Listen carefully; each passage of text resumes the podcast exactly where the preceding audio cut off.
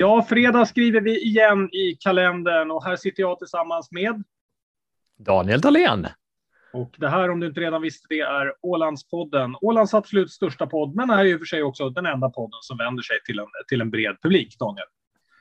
Du menar det? Att det är därför vi har många lyssnare? Ja. Nej, det är på grund av oss. Jag, jag fick höra en kommentar igår att vi, att vi var rena rama Filip och Fredrik, då tänkte jag att herregud, har vi blivit så oseriösa? oj då, då måste vi skärpa till oss och få lite bättre höjd på våra program, eller vad? ja, det, men det, det, det är väl så man får tänka.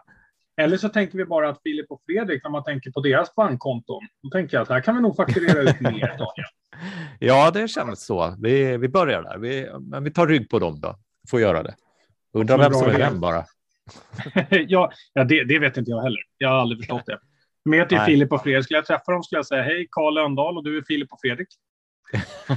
ja, men lite så blir det ju. Lite så blir det. Helt klart. Mm. Ja, men det var väl en bra start på denna podd. Ja, dagens gäst, det är Jörgen Gustafsson. Och vem är nu denna Jörgen Gustafsson? Nu tänker säkert folk här att jaha, är det min granne här, Jörgen Gustafsson? Men det är det inte. Det här är inte en ålänning som är med idag. Nej, nu tar, ut, nu tar vi lite ut svängarna här och inte ens en Ålands, Ålands anknytning finns det. Så det här, hur ska det här sluta? Ja, man, man, kan faktiskt fråga sig det. Jörgen Gustafsson är alltså ett eh, känt svenskt medium. Eh, bland annat då så var, var, han med i programmet som hette Det Okända eh, många, många år. Och eh, det, det, han ska berätta för oss i, idag, det här kommer stå lite av att vi, vi känner varandra sedan sen gammalt. Jag var med och producerade några utav de podcast som han gjorde tillsammans med Dogge Doggelito eh, för en eh, himla massa år sedan. Eh, så, så, vi tog upp tråden lite här. Vi har talat om att någonting vore kul att göra i, i framtiden sådär. Men det som är ämnet idag handlar ju om att när han gjorde det okända så gjorde ju Robert Aschberg en, en granskning och, och satte Jörgen kan man väl säga lite, lite på pottan här där man hade då en, en eh, påhittad person som han då till slut sa, eh, i alla fall enligt vad man fick se i tv-sändningarna, att, att personen var, var död. Men det här var bara rent, eh, rent påhitt. Och det där blev ju en sån här grej som rullade i dagstidningarna i månader i Sverige, Daniel.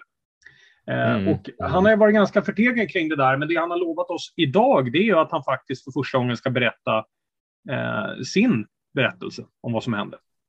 Okej, okay. spännande. Mm. För den lär ju inte vara eh, densamma som Robert Aschbergs kan jag gissa. det, det, det har jag väldigt svårt att tänka mig. Han har suttit tio år och nu ska berätta samma story. Det, det har jag svårt ja. att tänka mig. Så, Då ska vi se ehm, vart det tar oss vägen. Ja, nej men så, så det är väl något av ett, eh, ett scoop som vi kommer med här eh, förhoppningsvis så småningom. Mm. Om man nu inte har gjort som du sa, att man håller bara med om allting som Aschberg sa. Då, då, då blir det mindre intressant. Så att säga. då blir det en jättespännande diskussion också i och för sig. Mm. Mm. Eh, så det är vår gäst. Han kommer lite senare, men först och främst så måste vi väl eh, tala om det som alla talar om eh, den här veckan och det är ju de sexuella trakasserierna, anklagelserna och det som har med Teater Alandica att göra. Vi vet att det här inte är underhållning nummer ett att, att tala om det, men det här är ett ofattbart viktigt ämne. Så därför tycker vi att vi kommer att starta dagens program med att, att lyfta det. Daniel, vad, vad vet vi egentligen? Nej, men vi vet att det har försigkommit en hel del eh, kring uppsättningen Miramar som Teater Alandica har, har haft igång och spelar fortfarande. De har väl sin sista föreställning här på söndag. Mm. Eh, samtidigt så är det väl ett tecken som visar på att det har funnits en, en, en kultur och en en problematik inom föreningen under en längre period eftersom de här modiga kvinnorna nu ställer sig upp och säger ifrån. Eh, det var ju 34 till antalet som har ertappat ett brev då har kritiserat och lyft frågan med eh, styrelse då gällande vissa individers sätt att eh, behandla sina nära eller behandla sina medmänniskor helt enkelt och på ett sätt då som till många delar kan likna sig vid, vid trakasserier. 34 personer är ju ändå enormt eh, många. Eh, så det måste ju ändå mm. vara så att, att vi talar om att det här är inte trakasserier mot, mot en enskild, utan det här har då varit brett på något sätt. Nej, men man säger ju det, att det är en kultur liksom där man pratar om, eh, om kvinnor mer som objekt och, och man objektifierar och, och eh, beter sig allmänt opassande och tar sig friheter som man definitivt inte ska ha. Vi är ju naturligtvis inte en, en, en domstol och inte en rättslig enhet, Nej, så därför ska vi naturligtvis inte gå ner på på, på liksom varenda enskild sak. Vi kommer framförallt inte såklart nämna namn, men det, det är ändå så när du säger så här att ja, men, det har varit objektifiering och så vidare, men det man ändå har läst har ju, har ju varit ganska grova eh, övertramp, eh, trots allt, eller? Ja, det, det som har framkommit är ju väldigt grova saker eh, som, som eh, det, det, finns bara. Det finns inte mycket att säga om det. Det är bara väldigt stort cred till, till, eh, till de som har lyft de här frågorna och eh, det vilar ett stort ansvar nu på Teater Alandikas styrelse, men också föreningen i stort att faktiskt ta till ordentliga åtgärder kring det här och, och och, och, faktiskt visa allvar att man vill få bort sånt här från sin verksamhet. För i värsta fall så, så eh, äventyrar ju det här teatern på hela Åland. Eh, inte bara Teater Alandica utan andra, andra ensembler också. Och, eh, som, och det är ju någonting som skulle vara väldigt tråkigt eftersom teatern är otroligt viktigt för väldigt många individer på Åland och det är en jättebra skola för, för många eh, på sin resa ut i vuxenlivet. Och då måste det vara en trygg miljö och det måste fungera och sånt här. Det är helt oacceptabelt. Det, det, det är liksom svårt att säga någonting, helt an, någonting annat. Utan, och, och, de åtgärder som man måste vidta i sådana här tillfällen så måste vara resoluta och starka. Jag antar ju här att, att ni naturligtvis som, som tidning vet eh, betydligt mycket mer än vad man, vad man kan skriva så att det inte är så att man, man på något sätt sätter igång och driver något, något drev eh, som är utanför. Nej. Men, men, vilket, men vilket ansvar känner du som, som publicist i en sån här fråga? Nej, men det är jätteviktigt att vi lyfter det. Eh, det är precis som du säger, vi är ingen domstol. Här så finns det klart och tydligt ett brev. Det finns också ett svar som är, är, är klart och tydligt formulerat från de här 34 kvinnorna. Det, det är extremt viktigt att vi lyfter de här frågorna eh, och, och faktiskt visar vad som är okej okay och vad som inte är okej okay också, utan att det ska bli något drev på det något sätt.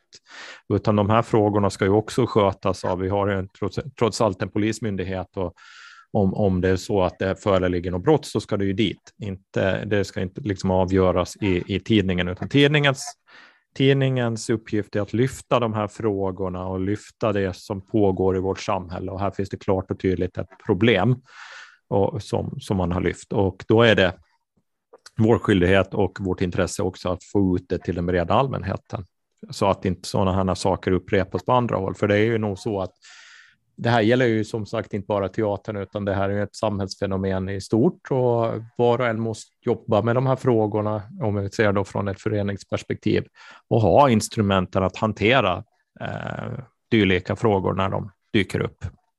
Eh, det, det, det, som jag funderar på är, ni har ju såklart varit i kontakt med några av de här kvinnorna kan jag tänka mig. Mm.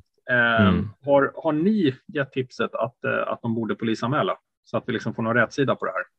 Det är ju så att alltid de här situationerna, jag förstår vart du vill komma, alltså det, det, är ju så att vi, vi ska inte driva någon linje på det sättet eh, när vi har varit i diskussion. Det här måste också utgå från de här personerna och vad de känner är rimligt och vad de behöver göra. Jag hoppas och tror att de får adekvat stöd i, i sina grupper och bara det, med det sagt eh, är de ju 34 kvinnor som har skrivit på här eh, och man får ju se lite vilken roll man har i det här i det hela. Men det är ju som du säger att det skulle vara väldigt viktigt att det skulle bli ta nästa steg tror jag för att man skulle få en rätt sida på vad som händer. För det är också så att det finns inte. Vi har ju sett eh, på andra håll också att, att eh, det finns en, en, risk att gatans domstol kommer in i de här tillfällena och det är inte bra för vi har ju ett rättssamhälle som ska upprätta det här. Men jag förstår fullständigt de kvinnor, och, eller de utsatta ska jag säga, det behöver inte alla gånger bara vara kvinnor, att man inte kanske vill, vill ta det den vägen, utan man känner det jobbigt och ansträngt eh, och, och, och, besvärligt, för det är en situation som man har blivit man har blivit, man är ett offer och, och sen ska man visa en styrka. Det är ju jättesvårt. Är det. Men det, det är ju svåra frågor all, överlag det här. Jättesvåra frågor. Hur är problemet om man tittar på Åland eh, bredare? Då? Är det här starten för, för någonting större eller vad innebär det här? Mm, den frågan vet nog du svarar lika bra som jag kan jag gissa. Eh, nej, men jag tror vi hade ju ett upprop här under metoo också som, som var ganska starkt på Åland. jag tror att det kanske behöver vara lite med jämna mellanrum att man får de här frågorna upp på agendan.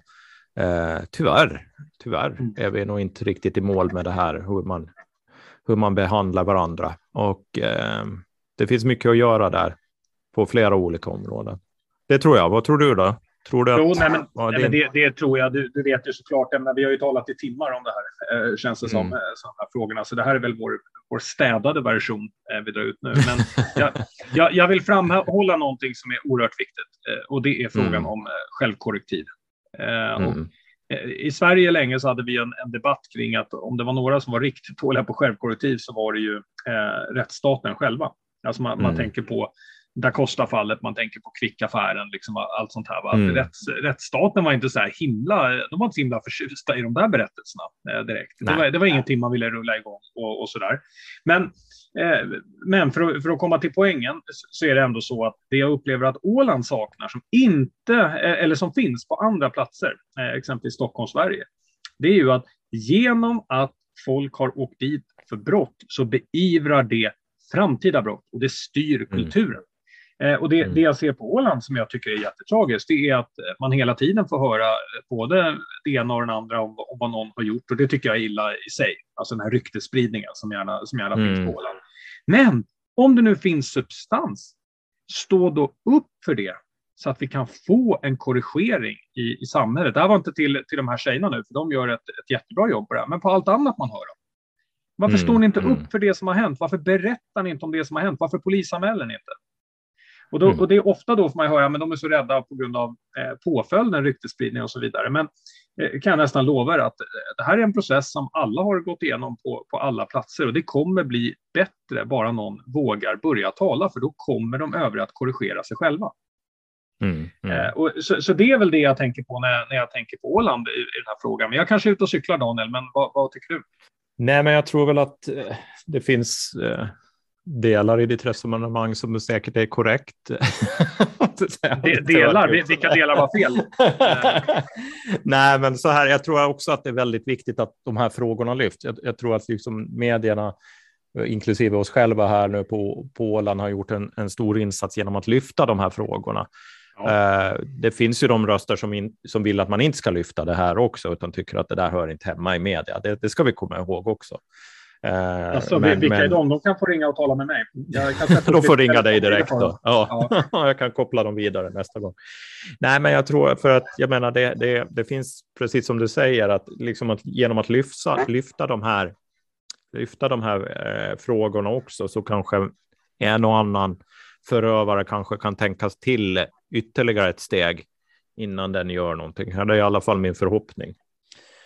Eh, så att eh, mm, ja, det är ol jag, jag vet inte vad man ska, alltså vad man än säger så blir det fel i de här situationerna på något sätt, eller fel, men det, man måste, det, det finns bara, måste ageras resolut, handfast och det, det, finns inte utrymme för sånt här. Vi kan sammanfatta det så. Nej, nej men det, så är det. Och sen, sen vill jag samtidigt bara säga att när det kommer till det här med media och så. Jag, jag, förstår att det man är rädd för är att det blir en, en häxprocess. Det kunde vi också se delar av under, under metoo. Och, och, det är ju precis lika illa eh, som de ja, ja, ja. Man, man anklagar någon för. Och det, det är ju inte det som är, är poängen här, utan jag tycker ändå att media här har gjort ett, ett bra jobb. Nu har jag läst det som ni har skrivit. Eh, jag har läst mm. det som Nian har skrivit hittills då, till idag när vi spelar in det här torsdag. Eh, mm. där är man ändå objektiv. Man, man, lyfter ju fram det här, man söker kommentarer från, från alla respektive eh, parter och framför allt det viktiga är ju att det är ingen person som hängs ut. Du, ska, mm. vi, ska vi släppa på dagens gäst? Ja, det gör vi.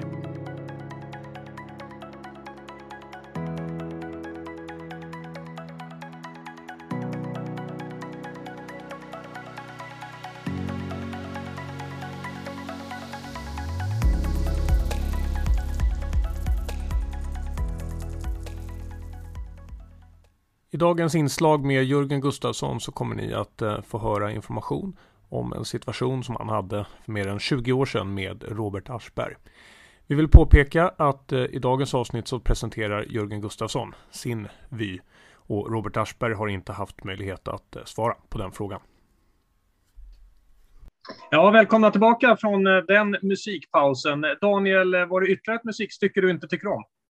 Ja, det är ju du som har komponerat de flesta, så det, jag gillar inte det, nej. nej. Bara för att det är jag, eller har du problem med musikgenren? Nej, jag har problem med dig. Det är ingenting annat. det är bara med mig. Nu, eh, nu är det så här, vi, vi har med oss en, en gäst som, som påstår i alla fall att man ska inte hålla på och, och lägga tid på saker man inte gillar. Så man kan ju egentligen fråga sig då, Daniel, vad, vad du gör här. ja, du, det kan man verkligen fråga sig. Jag, jag, frågar mig varje vecka liksom, att jag lägger ner 45 minuter av mitt liv på det. Ja. Hur som helst, dagens gäst det är Jörgen Gustafsson. Varmt välkommen till Ålandspodden. Tack så mycket.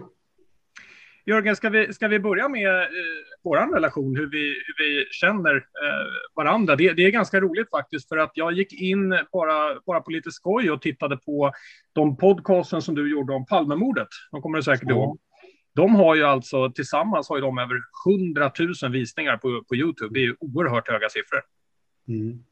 Det, det är ju ett intressant ämne. Alltså, det är ett intressant, eller det är ett ämne som berör så många människor. Liksom, någonting som man har hållit på med då sedan 1986. Mm.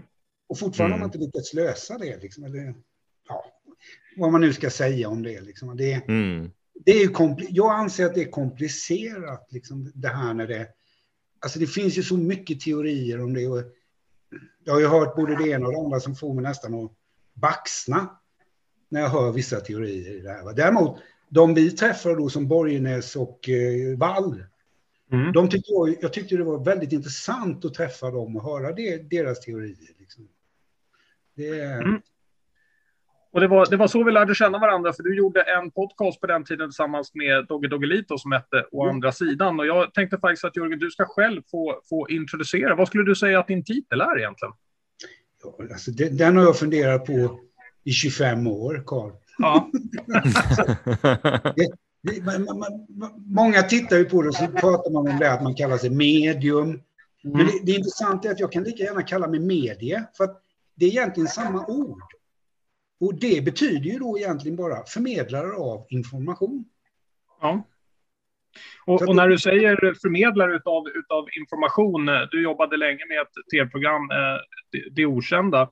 Eh, ja. Betyder det att, att du får både information från, från personer som, som är döda, som inte är döda, eller liksom vad, hur, långt, hur långt sträcker sig liksom den, här, eh, den här gåvan? Intressant fråga. Jag, alltså jag, sen du och jag träffades så har jag ju förändrat. Alltså jag, jag har inte förändrat så, men jag har tänkt väldigt mycket runt omkring hur det här är och hur, hur jag ser på det. Och det va? Och eh, visst, i min verklighet då är det ju att jag har en kontakt med de som inte lever. Så ser mm. jag på det. Men det kan jag aldrig bevisa. Nej. Jag kan, bevisa, jag kan bevisa för mig själv, men jag kan aldrig bevisa för någon annan egentligen. Men min upplevelse är ju det, att jag får information i och med att, och det har ju att göra med en, en referensram jag har, med människor jag har mött, där jag har kunnat beskriva, ta fram information där de då i sig kan bekräfta att ja, det här kan jag förstå från en person som inte lever. Att... Du, du, nämnde vid ett tillfälle för mig, Jörgen, när vi, när vi talade tidigare i veckan, att du egentligen ser det här nästan som en, som en ideologi. Är det så man snarare ska, ska beskriva det? Ja, jag tycker ju det. För, alltså för mig, ideologi, det är trosuppfattning. Liksom. Allting som egentligen inte är påvisbart mm. vetenskapligt mm. är ju för mig en ideologi. Alltså, Men skulle du säga att det, Ja, skulle du säga att det är ett aktivt val också från dig? Eller är det någonting som... Ja, det är ett aktivt, det är ett aktivt val jag har gjort. Mm. Jag är mm. inte påtvingad. Det, alltså, nej, jag... nej, men att du har inte valt att lägga det åt sidan, utan du har tagit dig an det på det sättet. Ja, jag har tagit det i hand. Det har ju liksom en livserfarenhet att göra. Mm. Alltså i det hela. Jag, alltså, jag, alltså, man pratar om det här med att vissa har gåva, men jag tror inte det funkar så. Jag tror alla är en gåva. Alltså, eller alla tror jag har en förmåga att ha, ha en kontakt med ett informationsflöde som ligger utanför våra fem normala sinnen. Mm. Alltså det sjätte sinnet som man pratar om då. Och som man då också kan lika gärna kalla intuition. Många företagsledare står på sina föreläsningar och säger jag jobbar med gut feeling. Mm. Mm. Så är det. det är, så är det, det är faktiskt. Samma, det är samma sak. Mm. Alltså, jag vet till exempel, jag tror det var vd på Sandviken AB för många år sedan. jag, jag tror det var på ett stort aktiemöte där han sa ungefär så här att ja, men jag gör affärer med magen, för hade jag lyssnat på alla mina ekonomer, då hade jag aldrig fått en affär gjord. Den är intressant liksom. Alltså, och då menade han de bra affärerna, alltså det, det han har mm, gått mm. emot, alltså referensramen, logiken i det hela, han har gått på en känsla. Och det är mm. gut feeling. Och det, det är, alltså väldigt många stora företagsledare använder ju det i sitt, i sitt arbete helt enkelt. Va? Men de kan ju det på något sätt. Men jag tycker det är rätt kaxigt att stå inför sina aktieägare och säga det. Liksom. Daniel, känner du att du har ett sjätte sinne? att jag har ett sjätte sinne? Ja. Nej, nej, det tror jag väl inte. Ja, eller kanske jag har det då som Jörgen säger, men jag kanske inte har bejakat det då mer eh, på det sättet. Men å andra sidan kan väl tänka som så att jag menar, vi är både jag menar, du Karl har sysslat mycket med teater, jag har sysslat med mycket med teater, med mycket med musik också. Och där, det, där får man ju kontakt med någonting annat än det här påtagliga väldigt många gånger. Det är mm. svårt att beskriva. Det går ju inte att läsa. Lite filosofiskt. Nej. Jag vet ju precis vad ni pratar om, för jag har också jobbat inom teater. Man, man, man märker ju, ja absolut, eh, man märker ju så här direkt när man eh, går in i den här dialogen, för att eh, liksom, vi har ju inte en debatt idag om det här är rätt eller fel och så vidare, men jag måste ändå fråga dig, Jörgen, så här, det måste ju ändå vara på, på det sättet, eller, eller måste vara, det, krävs inte mer än att man läser media, så vet man såklart att det finns jättemånga som som älskar dig, men det, det finns också en, en, stor sida du nämnde att du gick in på forum och folk ägnar väldigt mycket tid åt att, eh, att både hata och tycka väldigt mycket om det. Alltså, hur får det en att, eh, att känna? Jag menar, vi får ju också kritik för det, för det vi gör, men det kanske inte riktigt är de mängderna. Alltså, hur känns det? Blockerar man det till slut eller, eller hur gör man? Jag, blockerar, alltså, jag, låst, jag har lärt mig att ja, men var och en måste få tycka och tänka och tro som den vill. Mm. Jag kan inte förändra det. Liksom, och det är inte min uppgift, det är inte mitt mission. Liksom, det, det, är inte att få... Alltså jag vill inte bli någon som blir satt på pedestal. Jag vill inte bli någon guru eller någonting. Jag, gör, alltså jag började egentligen med det här för att jag var väldigt, väldigt stor skeptiker själv. Mm. Men på grund av rädsla. Utav det jag hade upplevt tidigare i mitt liv. Så att det blir, det blir väldigt komplicerat, så att jag är fortfarande väldigt kritisk. Det, det låter konstigt, men jag är det. Jag är kritisk till det jag gör och därför har jag lagt upp på det sättet jag jobbar på ett sånt sätt så det, det känns okej okay för mig. Mm. Alltså, om du tänker så här, vi, vi, gör en enkel förklaring i det. Och det är att om någon bokar mig för en konsultation, alltså när de kommer till mig, då jobbar jag på det sättet att om jag inte kan påvisa för dem att jag har en länk med någon som är länkad med dem, som inte lever längre, då kostar det ingenting. Då får man gå ifrån mig utan att få någon information, men det kostar ingenting. Mm. Så jag, spe, jag, spelar liksom, många tycker, att du är ju dum i huvudet, tid kostar ju pengar. Nej, inte i det fallet. När jag var golvläggare, ja då var det tid. Men nu är mm. jag, alltså jag kan inte, för att egentligen i, min, i, min, i den här världen som jag lever i vad det gäller det här, så existerar egentligen inte tid. Och då, då, då brukar jag vara lite sådär retsam med mina kollegor och säga, jag kan inte ta, ta betalt för något som inte finns. Mm. För tid, tid existerar. Alltså det är ju någonting vi har för att veta. Är ni med? Alltså att vi måste mm. veta hur gammal man är. Nu, nu är det ljus, nu är det mörkt. Alltså, Tid, är bara, tid existerar ju inte på det sättet egentligen. Tid är ju inte fysiskt. Du kanske skulle ha blivit eh, företagsledare, Jörgen? Eh, nu när, vi, nu när vi tänker på det faktiskt. Ja, jag, är ju, jag är ju det på ett ja, sätt. Ja, jag vet. Jag bara ja, tänkte att jag såg dig framför mig stå där och säga att bara så ni vet alla anställda, Tid har ingenting med pengar att göra, så de jobbar dubbelt så hårt. Det, det, det, är det jag menar. Det funkar utifrån det, det jag är i, men det skulle ju inte funka i den verkligheten. Så att säga. Vi måste ta upp eh, den, den, frågan som, som du och jag diskuterade tidigare i veckan, i alla fall för en, för en kortare kommentar. Och det här var ju lite intressant, för vi talade först eh, ena gången, det här är inte första gången vi, vi har talat om det, utan det, det det handlar om, för alla som lyssnar, det är alltså för 20 år sedan ungefär, va? Ungefär 20 år sedan. 2003. Det var 19, 2003 tror jag de visade programmet, men jag tror faktiskt det började redan 2002.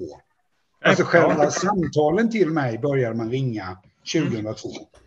Alltså vi sätter lite kontext här då. då. Eh, kontextet är alltså att eh, Robert Aschberg eh, gjorde ett program med, med inhyrda personer som på något sätt då skulle testa din, din förmåga. Då, då. Jag, jag, ska inte mm. uttala mig för mycket om, om det. Det var länge sedan jag, jag såg exakt det. Men du har tidigare sagt att det här skadade din, din familj väldigt mycket, framför allt din, din dotter och så, och så vidare. Så därför har du egentligen inte riktigt velat tala om det här. Men så ringde du upp eh, igen till mig och sa att ja, men fasken, nu har jag jag funderar igenom det här. Det kanske är dags att man, att man kommenterar det där. Det är ändå 20 år, år gammalt. Skulle du vilja berätta din eh, bild? Den ofiltrerade bilden från Jörgen. Mm, Okej. Okay. Det var så här, nu ska vi se det här om vi ska vara väldigt exakt. Jag, jag, jag har ett väldigt bra minne har jag nämligen. Och jag tror det var så här att första samtalet jag får, det, det var ju en tjej då som ringde mig. Och eh, jag tror det var i september 2002 tror jag då. Vi säger det 2002. Och det var i september där hon ringer och påstår då till mig att hennes väninna är försvunnen. Och eh, det här var ju kopplat med att vi gjorde de här programmen Förnimmelse av mord. Mm. Och där det, det var ju det som triggade igång den här grejen då. Och, och jag vet, jag sa för att jag, dels så jobbar jag aldrig via telefon. Gör jag inte. Så jag säger till henne det, liksom, nej jag jobbar inte via telefon och jag är ganska avsnoppande. Liksom, alltså, Nej, jag jobbar inte via det här. Nej, men känner du in? Nej, det gör jag inte, för jag jobbar inte via telefon. Och där började jag känna att det här är någonting lurt lite, men visst, alltså, någon ringer till mig och säger att någon är försvunnen. Jag är inte omänsklig. Och jag förutsätter inte att någon ringer och ljuger om något sånt. Eller hittar på, ska ljuga kanske fel, men hitta på en story som inte är sann. Om en så pass allvarlig sak. Det gör jag inte. Och det skulle jag inte göra ens idag. Ja, idag skulle jag nog vara väldigt mycket rakt på och säga nej, du får komma till mig i sådana fall. Om det är så. Men i alla fall, så vi avslutade samtalet. Vi pratade, sen är jag inte den som bara lägger på. Jag tror vi pratade nog en, säkert en 20-25 minuter minst, första samtalet. Och hon försökte ju hela tiden få mig att göra ett uttalande om det här. Ja, och så går det. Sen tror jag, vi kan säga att det var i november sen. Så ringer det igen och det är samma. Och hon går på då att hennes väninna är försvunnen och liksom. Jag säger så här, men du, du, du menar på att liksom, polisen har inte hittat det? Alltså, polisen måste vara involverad i det här, sa jag. Om någon är försvunnen? Ja. ja men liksom, då är det ju bara att kolla hennes bankkonto. Liksom det, det finns ju massor med saker man kan kolla, sa jag. Och de har inte hittat någonting, liksom, så att det har tagits ut pengar. Då. Nej, hon är bara försvunnen. Men fortfarande så vidhåller jag, håller jag fast vid det att jag ger, gör inga uttalanden, gör jag inte. Och sen ringer det då i januari, det sista samtalet. Och då kände jag väl där någonstans, vänta lite nu. Då blir, det blir, alltså jag är ganska mycket realist och med all den information jag hade fått som då absolut inte... Nu, nu pratar vi liksom... Nu har de då ungefär 40-45 minuter minst. Mm. På mig. Inspelat. Så att nu är vi inne på tredje samtalet och, det går det, och då börjar jag ställa konkret. Liksom, men du menar att de, de alltså, hon, har inte, de har, hon har inte använt sitt busskort, hon har inte tagit med sitt pass, hon har inte tagit ut några pengar eller någonting, säger jag. Liksom. Nej. Ja, men alltså, det finns ju två alternativ menar jag på och det är att hon skulle haft väldigt mycket kontanter. För att om någon vill hålla sig borta, ja, då krävs ju på den tiden i alla fall att man har väldigt mycket kontanter. Mm. För att hålla sig borta i tre månader, som vi pratar ja. om nu. Mm. Tre till fyra månader. Det behöver man inte vara Einstein för att räkna ut. Liksom. Och, så jag drar, drar upp det och hon säger nej, det, finns, det är inte uttaget några pengar från hennes konto. Det ser precis likadant ut och alltihopa där.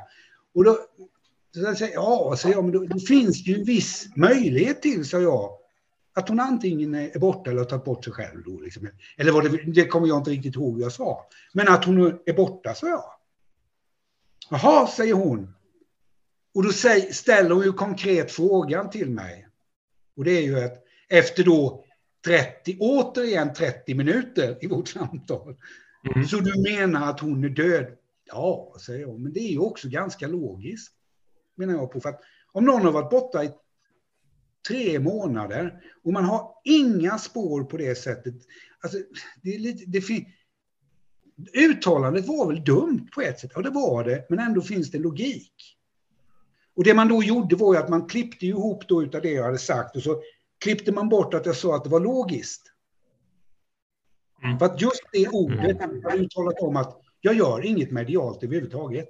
Jag gör en mm. slutledning utav en väldig massa information jag hade fått. Är ni med? Yes. Mm.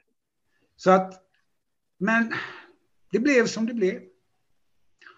Och på ett sätt, som jag sa till dig Karl, i efterhand med facit i hand, för min egen del, så säger jag så att det lärde mig väldigt mycket. Mm. Dels så lärde det mig att jag spelar in vartenda samtal jag tar. ja. Mm. Mm. Jag har allt inspelat som jag gör. Mm. det finns nej, har det med försnacket vi hade idag också? Är det också inspelat? Aj, aj, aj då. nej. inte i det här fallet. I det här fallet gör jag inte det. Men folk ringer till mig på det, i det fallet och jag känner att det här stämmer inte. Då spelar jag in. Mm. Mm. Men jag har aldrig behövt använda någonting. Har jag inte. Så att jag säger så att det var, det var väldigt olyckligt och att jag gjorde ett uttalande som var ja, jag kanske skulle tänkt till, men jag kan ju väga in att det var ganska många som ställde upp, bland annat en man som heter Jan Pilotti, som är professor i psykiatri, och Lars-Erik Unestål. Efter den här händelsen så blev jag inbjuden att föreläsa om en bok som en amerikansk doktor, filosofie doktor hade skrivit.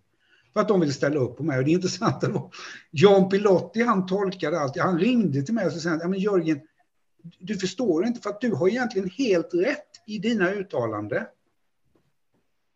För hon är död. För hon är en icke-existens. Mm. existerar inte. Mm. För ditt uttalande i princip är korrekt. Hon, är hände? hon har aldrig hon funnits. Nej, hon har aldrig funnits. Vad, vad, Så, vad, hände sen då? Hade du någon personlig kontakt med, med, med Robert under, under den här perioden? Alltså, direkt, jag hade direkt efter det han, eh, det jag frågade honom då att jag ville prata med honom efter de hade stängt av kamerorna. De kom ju hem till mig, för jag vägrade ju vara med i, i programmet Insider. Jag, jag avbokade det helt liksom. Och då, då sitter vi där och så, så, för snacka, och så frågar han mig, Robban, vad fan är det här liksom? Ja, men Jörgen, på riktigt. De som tror, de tror. Och de som inte tror, de tror inte i alla fall. Alltså, det handlade bara om tv. Mm. Tack Robert Aschberg. Hur tänker du när du hör det som publicist, Daniel? Jag blir fundersam. Och det, jag ljuger inte nu, utan det var sanningen. Mm. Man mm. önskar mm. att jag hade haft det inspelat, men då var alla kameror... Men jag tror att du litar på mig, Karl, för att jag hade kunnat gå ut för länge, länge sedan och börjat försvara mig i det här, men det gör jag inte. Och nu tycker jag, det spelar ingen roll längre heller. Nej. Mm. Det är liksom, so what? Liksom. Mm. Det, det, var bara så fascinerande. Anledningen till att du och jag har funnit en, en respekt mellan varandra, den egentligen instod, eller inträffade ju ganska tidigt när vi höll på med, med poddarna. För att du, du förstod ju ganska snabbt, du är duktig på att läsa människor, att eh, liksom, Karl, han, eh, det, det, det, kanske inte är den mest troende personen på, på jorden, men du respekterar ju allas åsikter. Eh, och det, det är därför vi har kunnat haft en dialog om det här som är ganska spännande. Ja, och det, jag tycker ju att den dialogen blir mycket mer intressant. Mm. För att tittar vi så här, alltså det, det, finns ju då ett klipp som ligger på YouTube som fortfarande finns kvar. Och alltså skeptiker använder sig av det. Ja, men det, det förstår jag. Ja, absolut. Men ni ska veta hur många i mina egna led som använt det. Mm. Det förstår jag inte. Inte i en bransch där man pratar om ljus och kärlek. Mm. Intressant. Där tycker jag nog eh, dessvärre att man kan se ganska många olika eh, branscher just att, att det gärna kan vara eh, precis på det sättet. Ja. Men, men, men eh, bara för att dra klaffen på, på den där frågan, eh, nu 20 år senare, då, då talar du om det, men bara för att göra en, en kommentar om det, det här måste ju ha drabbat precis som eh, de politiker och så vidare som också har blivit förföljda och så. Den här förföljelsen som var där ett tag som drabbade din familj, det måste ha varit oerhört tufft. Alltså det som var, det var, det hela handlade egentligen om min dotter som var sju år. Mm. Och det, det finns, i min första bok, så finns det ett kapitel som är skrivet utav henne. Ja. Som heter Jag hatar honom. Ja. Och det, det bästa är att läsa det kapitlet så förstår man lite bättre. För att Ja. hon, hon var sju år och drabbades hårt av det. Och den här boken skrevs ju, nu ska vi se, det var väl 2012 eller något den kom ut, tror jag. Mm. Eller något runt omkring det, förnim, ett förnimmelse av det okända. Jörgen Gustafsson heter den. Och alltså, där, det är mycket beskrivning just utav det, var den situationen. Och där gjorde jag upp med han som hjälpte mig att skriva boken. Han intervjuade mig, nämligen. Och så skrev han saker. Och så pratade vi om att göra det här i boken. Och, men där benämner vi det bara som eh, programledaren, tv-bolaget och eh, tv-kanalen. Alltså vi nämner inga namn eller något. Men vi hade en uppgörelse och det var det att han intervjuade min dotter. Jag fick inte läsa något innan boken var tryckt. Okej. För att jag inte skulle kunna ändra på det. Alltså, och jag säger så att när jag, det, varje gång jag läste kapitlet, det gör ont kan jag säga. Mm. Och det gör mest ont för att jag känner, jag ställde inte upp för min dotter. Jag lyssnade på alla andra runt omkring mig. Och det handlar väl om att man var knuten till tv. Jag ville inte bryta det här med att vara med i tv. Och det här, liksom. För att råden jag fick runt omkring mig utifrån eh, de andra då inom tv var bara ligg lågt. Gå inte Ja. i klint, för det är det han vill. Mm. Mm. Mm. Alltså det, det är så han funkar, alltså han funkar ju lite så. Det, och det, jag säger, det, det är väl ingenting, det är han, det är väl okej, han får göra det är hans liv. Jörgen, det är så här att tiden den, den börjar rinna ut, för du vet snart ska jag spela till sånt här musikstycke som Daniel inte tycker om, innan vi ska snacka lite nyheter och lite annat. Så därför undrar jag bara Jörgen, får vi se dig på, eh, på Åland vid något tillfälle då? Ja, det är upp till er. Underbart. Vilken cliffhanger. Vilken cliffhanger. Vilken cliffhanger. Du är i alla fall Alltså, varmt jag- välkommen över och då får du gärna eh, höra av dig i, i sådana fall så tar vi en, eh, en solig lunch och fortsätter dialogen. Ja, det tycker jag. Det skulle vara jättetrevligt. Jörgen, jättetack för att du var med i Ålandspodden. Ja, tack ska ni ha. Ha det gott gubbar. Ha det gott.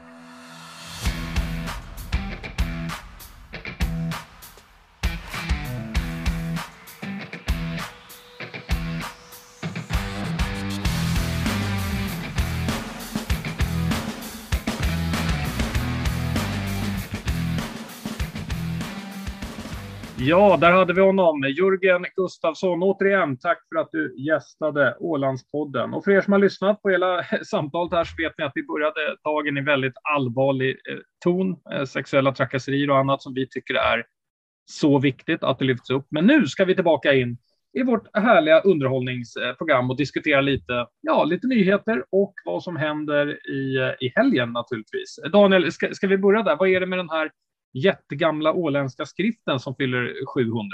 Alltså var finns den? Nej, men, nej, men det är ju en skrift som egentligen Åland för första gången nämnts, vad man Mm. vet. Eh, och den är daterad, vi landar i Saltvik den 15 mars 1322. Man vet ju att det är, så den, med andra ord så fyller den 700 år då. Sen kan man inte säga 15 mars exakt eftersom det fanns en himla invecklat system på den tiden var med, med såväl helgonkalendrar och kyrkoår och olika himla Ingen vet vad det fenomen. egentligen var för datum förr i tiden. Det är- helt, det är så, helt klart. Men vi vet 1322 vet vi. Vi vet också att, eh, att det säkerligen finns äldre, äldre också dokument, men att de troligtvis har fått stryka med i, i krigen som var under 1200-talet. Eh, där mycket brändes ner och inte minst i Åbo där mycket, mycket har förvarats under, under de här åren. Då. Och även i Uppsala har det väl förvisso. Har du, har du läst det? det är ju, vi hörde det här i tidningen och det är ju Olle Sjöstrand som har skrivit om det här. Han är historikern. Det är en gedigen lunta med papper och årtal och namn för övrigt. Om, om, om frågan var om jag, om jag hade löst den fast lite invecklat Ja. så är svaret nej. Ja. Nej. Eh, nej, jag har inte kommit Nej. Jag, jag ska naturligtvis göra det, men, men, men Ja. berika oss Daniel. Vad, vad handlar det om? Nej, det är faktiskt inte så, det är faktiskt inte så Var lätt du läst kort redo. Jo, jag har läst den, men jag kan inte redogöra för den, för det är faktiskt väldigt komplext. Det handlar om, om eh, gårdar och vem som har rätt till vad och liknande. Det man däremot kan lätt konstatera det är ju att under den här perioden har man ju så otroligt härliga namn på ett helt annat sätt än vad vi har har, har i det idag då egentligen. Ja. Så, så eh, det var väl bara några jag eh, snubblade över och då var det bland annat eh, Torkel Galne Pettersson.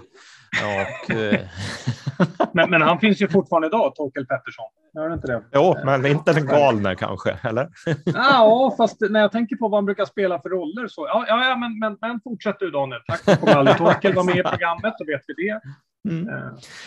Jag, rekommenderar, jag säger så här, det kräver sin man och sin kvinna att läsa den här artikeln, för det är väldigt mycket eh, fram och tillbaka och väldigt komplext som det var på den tiden när man skrev saker och ting. Eh, den är ju dessutom skriven på latin från början, men framför allt också så lär man sig lite mer om åländska samhälle och, och Olle är ju otroligt duktig på det här med namn och var namn kommer ifrån. Och här får den intresserade lära sig lite mera om vad eh, Kvarnbo och Saltvik, vad det egentligen kommer ifrån om det är mm. så. Mm. det, låter ju, det låter ju jättespännande.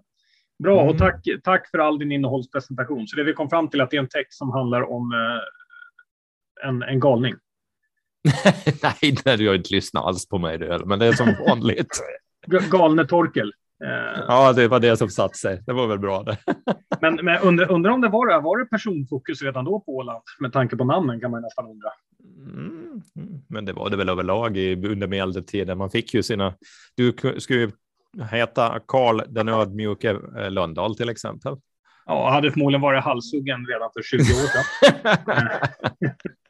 så fort du öppnar liksom munnen så får du. Ja.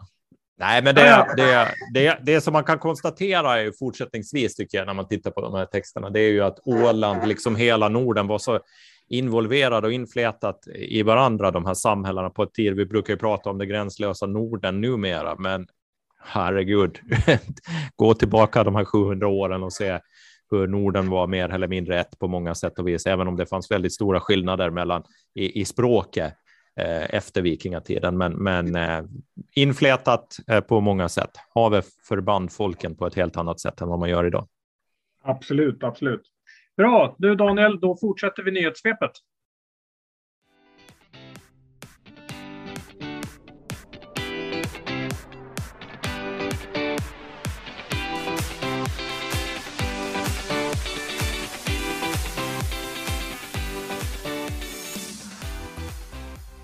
Ja, vad mer har hänt i veckan då, Daniel? Ja, vad mer har hänt i veckan? Eh, jag vet inte om du noterade, men här i helgen så hade vi persiskt nyår. Eh, ja, jag såg det på, ja. på Smakbyn också. Sevents hade, hade gjort själva inramningen. Det såg ju otroligt fint ut. Mm. Och de firade persiska nyåret då, Noruts, heter det så? Jag vet inte, eller det är väl man firar solen och vårens återkomst och det firar man i Smakbyn i år av ett 140-tal ålänningar och mm. eh, det är de åländska med, ålänningarna med iranskt eh, påbrå, så ja, de ser ju väldigt fram emot det irans, eller persiska nyåret och, och har det varit en barndomsdröm för många att kunna fira ett lite, i lite större sällskap då, när det väl, stor, eller när det väl är persiskt nyår. Eh, själv kan jag bara säga att jag jag är ledsen att jag inte var där, för persisk mat är ju otroligt gott. Mm. Men, men firade du hemma då istället, eller? nej, jag gjorde ju inte ens det heller. Så. gjorde du det då? Nej, nej, nej. nej. Absolut. Nej, jag, jag, visste inte ens att det var persiskt nyår nu. Nej. Eh, jag, jag kommer ihåg att på en av kyrkorna som låg nära när jag bodde i, i Årsta för många, många år sedan, eh, så brukade de ha fyrverkerier och grejer när det var, när det var nyår på det. Och det brukade just eh, ja, men sammanstråla faktiskt här lagom till, till våren. Och nu fick jag ju en kontext dessutom. Att det faktiskt är det mm. man firar. Så, mm, mm. Ja. Vet du vilka år man går in i då, i persiska kalendern? På Nej, nu är vi tillbaka på det här med, med år och grejer igen. Alltså, eh, Persien har ju funnits i, i flera eh, olika omgångar. Om jag inte minns fel så har de ju en modern tideskrivning från eh, som startar så år 600. Men, men här kan man ju tänka sig att när det ska fira sånt här, att de är uppe på liksom 6000 år redan. Nej, faktiskt inte. Alltså de, det är år 1401 är det. För den persiska tideräkningen utgår ja, fasken, från Då sa jag ju rätt i och med mitt första resonemang. Eh, på det där får vi ju det där får vi klippa till. Det här måste vi gå till botten. ja, vi är åländsk tideräkning, år 6000. Mm. ja, självklart. Jo, dokumentet var ju 6000 år som vi sa, ja, precis. nej, nej, ja. nej, från de första bergklackarna stack upp genom det, ja, Östersjöns vatten.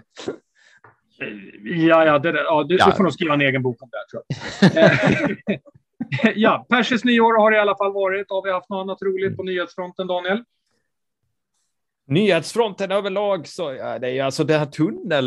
Det är mycket tunnelseende för tillfället fortsättningsvis som vi var inne redan förra veckan på, så det, det händer väl. väl. Det är väl det som fortsättningsvis har dominerat, men eh, jag tror inte vi ska gå in på tunnelseende. Desto Nej, mer. Jag, jag bara reagerade. Jag vi räcker där. rubrik ni hade som jag tyckte var vansinnigt rolig. Den här. Mm. Eh, politiker tycker att tunnelbygget är dyrt. Man bara, oh, oh shit.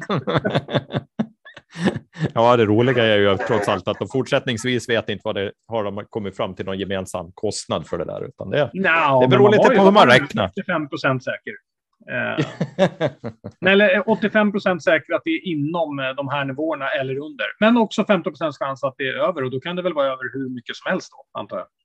Mm, mm. Det, det, det, går åt alla håll och kanter det där. Det där går åt ja. alla håll och kanter. Ja, så där är det. Så är det. Det är väl dags att hoppa till eh, helgspaning. Så här kommer lite musik.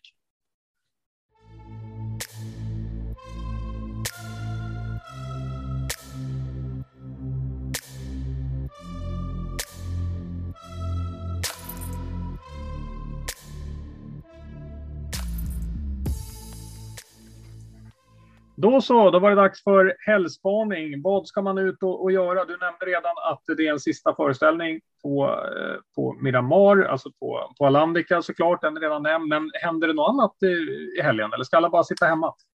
Nej, men det, det som är det största eventet egentligen under helgen, det är ju egentligen eh, Marie, eller Mariehamns litteraturdagar som pågår från den 24 till den 27 Eh, det är ju, de har väl haft uppehåll lite här på grund av pandemin, men eh, nu firar man 30 år av litterära möten och samtal. Och det kommer ju en rad stora författare till Åland alltid under den här eh, under de här litteraturdagarna, så det har ju blivit lite av ett, ett, ett en mötesplats i Norden för eh, litteraturintresserade. Så bland namn som vi kan säga så är Sara Nazari, Frida Boisen, Göran Rosenberg, ja, mm. Stina Wolter. Det är ganska namnkunniga, namnkända personer. Som och, och litteraturdagarna, det, det, de var ju faktiskt kända tänkte jag säga innan jag knappt kände till Åland. Eh, men, men, mm. men absolut finns det ju ett, eh, ett, eh, en plats på den litterära himlen när det kommer till Åland här. Och, ja. och det som man arrangerar, så det här blir jättekul. Det här borde man verkligen ge sig ut på. Och till alla er som inte, inte läser böcker, börja göra det så kommer ni förstå ännu bättre vad vi talar om i podden. Mm. Exakt, exakt. Så det är väl en sak, så, och det brukar ju dra väldigt mycket, mycket folk eh, i olika åldrar och till olika delar. Då. Så det för sig går här. Eh, annars så är det ju så att det är väldigt mycket utställningar som pågår. Vi har bion är ju för full gång, eh, äntligen igen. Och eh, sen är det lite vandringar med skräpplockning på Stornäset naturstig. Det är ju lite aktuellt med Stornäset. Vandring med skräpplockning? Skräpplockning, ja, det låter väl intressant. Eh, men Stornäs är ju lite aktuellt igen nu då med den här solcellsparken som man diskuterar och det är väl i närheten där som man som det finns ett förslag på att en solcellspark skulle kunna vara. Men om man vill gå ut och vandra där, det är fina stigar som finns, eh, naturstigar. Eh, Ettdera går man tillsammans med de andra den 26 mars eller så går man själv. Sen är det som sagt en hel del utställningar som pågår, eh, framför allt på mm, våra museum såklart. Men, men det där med skräp, är det inte sånt man brukar ha fångar till att göra? Ja, bäste Karl, ni har kanske fångat i sådant där du kommer ifrån, men här på Åland, här hjälps vi åt. Ja, no, jag, jag förstår. Okej, okay, så du ja. plockar och jag arrangerar. No. Du, exakt, exakt. och när ni har plockat på den stigen så finns det också en vandringsstig som heter Lotsbyvägen 8 dit man gärna får komma. också plocka skräp efter Milton och Leon. en, stor, en stor sopkvast behövs. Va? Väldigt stor. Tänk på att jag kommer stå och gaffla i dörren också. Så att... du kommer ju inte någon vart då med städningen. Här. Nej, förmo förmodligen inte. All right, så är det that's it för, för helgspaningen? Mm, absolut. Bra. Då har vi ju en sista ganska viktig sak som vi har hållit alla på, på halster kring. Vi har en liten tävling, Daniel. Jajamän, det har vi. Mm. Vad är det för tävling? va? Ja. Man kan vinna Rolling Stones-biljetter. Äntligen sitter alla de och tänker, nu har jag lyssnat på de här, eh, de här figurerna i 45 minuter. Hade de inte kunnat komma lite snabbare? Nej, men vi har ju lagt till slutet för att du ska lyssna igenom allting. Såklart. Eh, det finns ett frågeformulär uppe på Ålandstidningens eh, hemsida. Det är fem frågor om, om Rolling Stones. Kan väl direkt säga att om man inte vet svaret på dem så går det ju ganska enkelt att, att googla. men, eh, men, men, det man i alla fall är med om det är en utlottning. Vi lottar ut 16 biljetter till sommarens Rolling Stones-konsert. Den är den 31 juli på Friends Arena. Och då kommer man få den stora glädjen att åka över med, med mig och, och Daniel. Jag, jag vet inte om det gör att färre kommer tävla, eller fler kommer tävla. Dagen. Där blev vi ensamma. Mm. Mm. det, det är ni tvingade till att, att, att gå igenom om ni nu eh, vinner eh, de här biljetterna. Så det här kommer väl bli superkul, Daniel. Mm, det här blir skoj. Det blir jätteskoj där. Så det, det, är, det är egentligen fem olika frågor som man ska gissa svaren på. Då. Det finns ju tre svarsalternativ där också, så det är, det är ganska enkelt på det sättet. Och jag tyckte frågorna var ganska enkla faktiskt. Eh, Va, va, ja, ja, var jag för snäll nu då? Eller? Nej, ja, ja, i min Nej. värld hade man nog bara kunnat haft eh, en fråga. Det roliga är väl att folk tävlar, men jag tycker du har varit, eh, du har varit nyfiken. Du kanske till och med lärde dig något på vägen också. Kanske det, jo, för jag är inget stort Rolling Stones-fans, men det är ju du däremot. Var, varför ska du med då? Var, vänta, var, varför ska nej, jag ska inte, nej, vi låter ut min plats också. Jag kan vara hemma. Ja. Nej, nej, det är klart du ska med. alltså, det, du förstår ju glädjen du kommer få. Du kommer ju få stå och lyssna på mig en timme på färjan när jag bara talar Rolling Stones i en timme. Kan du tänka dig? Herregud, det här har ju du väntat på hela din uppväxt. Ja, men alltså, jag hör ju dig gaffla i 45 minuter varje vecka. Podden räcker inte liksom. ja, men då talar vi inte om Rolling Stones. Nej. men, men, men nu när jag har det, vad, vad, vad betyder Rolling Stones för dig då? Eh, du, du, är inget stort fan sådär, men det är ju, det, det är ju inte alla heller. Men, men vad, vad betyder de för dig då, rent objektivt? Nej, alltså i, i, i min värld så är de en av de stora banden såklart. Eh, och eh, det finns vissa låtar som, som såklart sitter fast i, i, i, i min, bland mina, i min skalle också. Satisfaction och Paint It Black och vad det nu kan vara. De har ju så otroligt många stora, stora, stora vad heter det, hits. Eh, sen är det ju så att jag menar, jag växte, eh, jag var ju liksom tonåring på, på 90-talet, så det här med eh, Rolling Stones fanns ju inte med på 90-talet på det sättet, men det här med att när de vad heter betalar ju Microsoft en ansenlig, Microsoft betalar dem en ansenlig summa för att liksom sätta, ha en låt kopplad eh, till eh, lanseringen av Windows 95. Så det var Precis, det som, som kraschade när de gjorde lanseringen. Det var ganska mm, mm, absolut. Så där, där, det är väl det liksom första, kanske inte första, men en av de starkaste minnen, tidiga minnen av, av eh, Rolling Stones för min del. Sorry. Ja, men, men det, det, var väl en, det var väl en fin beskrivning. Jag tycker ändå att de mm. har massa, massa hits och grejer. Ja, men det här mm. kommer bli kul. Eh, mer och det där till kommer man att eh, kunna vara med om om man, eh, om man åker över med oss. Som sagt, 31 juli. Eh, vi löser biljetten, vi löser resan dit och sen får man klara sig själv. Eller hur Daniel? Ja, absolut. Så är det. Och det ska man väl klara av efter en ja. konsert.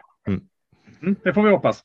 Då i alla fall går ni in och svarar på de frågorna på Ålandstidningens hemsida. Och eh, med det sagt så avrundar vi för idag. Vi tackar dagens gäst Jörgen Gustafsson för att han var med oss i, eh, i podden. Och så tackar jag dig Daniel för ett, eh, ett jättebra program. Vi sa tidigare att hälften av pjäserna du hade gjort var, ju riktigt bra. Men här i, podden så tycker jag ändå att 60 procent av det du gör är rätt bra. Oh, du är så, jag blir så glad av dina varma ord. Det är otroligt. Jag känner hur jag växer som människa. Tack, tack Jag förstår det. det. Ja. men det, är, det är min förtjänst såklart att utvecklas i positiv mening. Bra, det här var Ålandspodden avsnitt 24 med Karl Lönndahl och Ja, Daniel Dahlén.